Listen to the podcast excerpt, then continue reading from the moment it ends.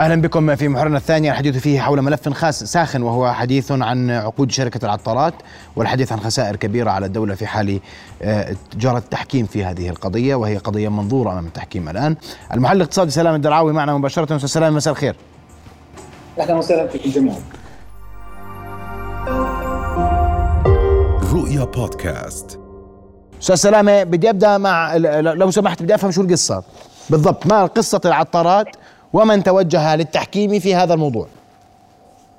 مشروع العطارات هو آه، مشروع آه، آه، مبني على حرق الصخر الزيتي الموجود في الأردن وتوليد 475 ميجا من قبل شركة صينية أستونية ماليزية إئتلاف.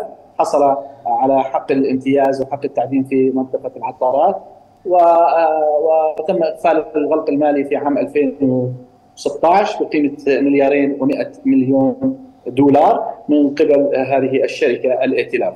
آه، حصلت هذه الشركة على قرض لتمويل هذا المشروع من آه، بنك الصين آه، لتمويله وبالتالي الجهة المقترضة هي الشركة أو شركة الائتلاف الصينية الماليزية الأستونية وهي بدأت فعلا بعملية الحرب.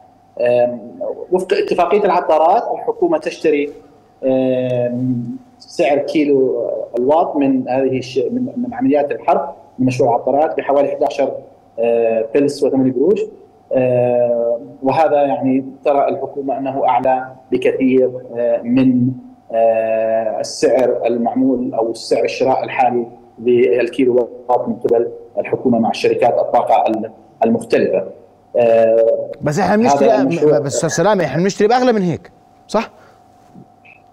آه لا إذا إذا إذا بتحكي عن اليوم اليوم إحنا بنشتري تقريبا بسبع قروش بست قروش حسب هذا أقل من هيك لذلك الحكومة رأت الحكومة الحالية أو الحكومة السابقة آه رأت إنه هذا آه عمليات شراء آه الكيلو وات من آه مشروع العقارات سيكلف الحكومة آه، أو الخزينة أموال آه، طائلة طيب.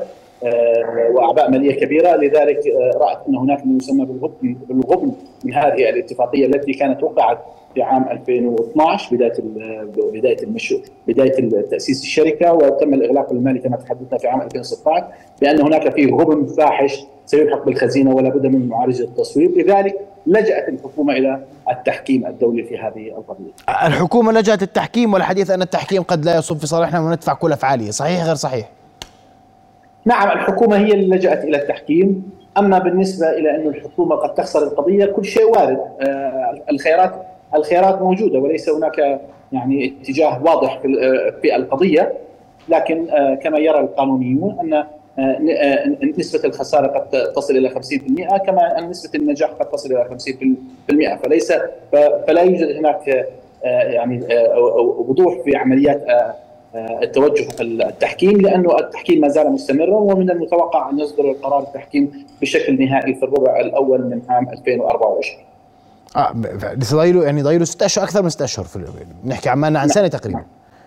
بس نعم. اليوم بس اليوم في حديث عن ثمانية مليارات قد ندفعها وقد نتحمل خسائر كبيرة من نتيجة التحكيم. هذا صحيح غير صحيح؟ يعني آه إذا كان هناك سيناريو يقضي بخسارة الحكومة لقضية التحكيم فإن آه، آه، قرار التحكيم سيلزم الحكومة الأردنية بتنفيذ الاتفاقية العطارات مع الشركة مع الائتلاف الصيني الماليزي الاستوني وبالتالي آه، هذا الاتفاق يقتضي شراء الحكومة لسعر الكيلو وات بحوالي 11 قرش و8 قروش تقريبا 11 قرش فاصلة 8 وبالتالي هذا سيكلف الخزينة عمليات شراء لهذه لهذا الكيلو. في العام أو في كل عام ما يزيد على 200 مليون آه، دولار. وهذه الاتفاقية قد تستمر ل أو هذه الاتفاقية تستمر مدتها 30 عام. يعني إحنا أمام خيار فقط إن نخسر 200 مليون سنوي وننفذ الاتفاق. لا خيارات أخرى أمامنا. مش لا صحه ل 8 مليار أو نشتري المشروع أو نتحمل كله في المشروع. صحيح غير صحيح؟ كل الخيارات موجودة في حال خسارة الأردن. لهذه القضية في التحكيم فإن الخيارات أمام الحكومة موجودة. إما تمثيل الاتفاقية بشكل كامل وبالتالي سوف تدفع لهذه الشركة آه، آه، السعر المتفق عليه بالعقد لكل كيلو وات وهو أعلى من السعر المشترى من الشركات الأخرى. أو أن تقوم الحكومة بالتفاوض مع الشركة الصينية أو الائتلاف أو أن تقوم الحكومة بتقديم عرض مالي للدخول كشريك ومشتري لجزء من أسهم هذه الشركة حتى تقلل من عملية هذه الكلف. طب ليش ما رحنا على على المفاوضة مع الشركة من الأول يا أستاذ سلامة؟ طالما أنا في التحكيم. لا شك لا شك بأن الحكومة آه، الحكومة في ذلك الوقت درست كل الخيارات. يعني أنا لست في في في معرض أنا بسألك سؤال حتى فقط أكون فاهم بعد إذنك.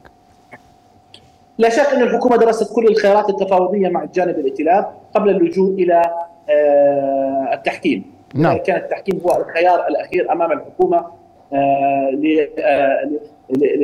لتعديل هذه الاتفاقية أو أو لتحسين آه، بعض البنود وفق البند التي سندت عليه وهو نعم. الغبن الفاحش في السعر لكن إحنا ندفع حق كله في المشروع هذا غير وارد؟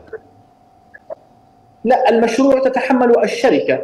الشركة الائتلاف الصيني الماليزي الأستوني هو الذي اقترض مليارين و100 مليون دولار من بنك من بنك الصين ومول المشروع وتم ضخ هذه الأموال في الاقتصاد الأردني وتم إقامة هذا المشروع وإقامة المحطة وإقامة مناطق التعدين والمناطق السكنية وما إلى ذلك كله تم الاستثمار في داخل المشروع.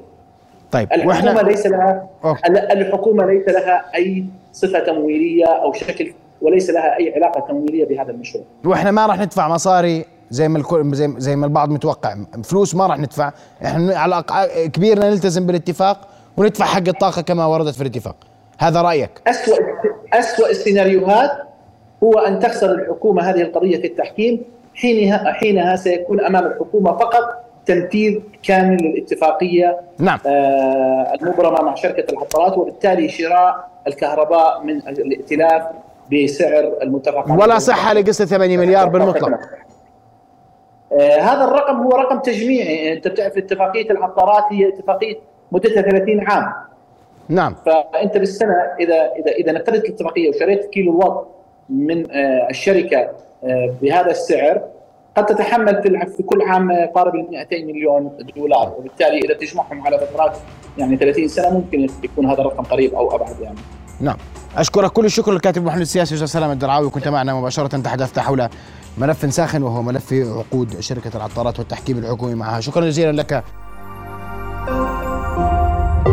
رؤيا بودكاست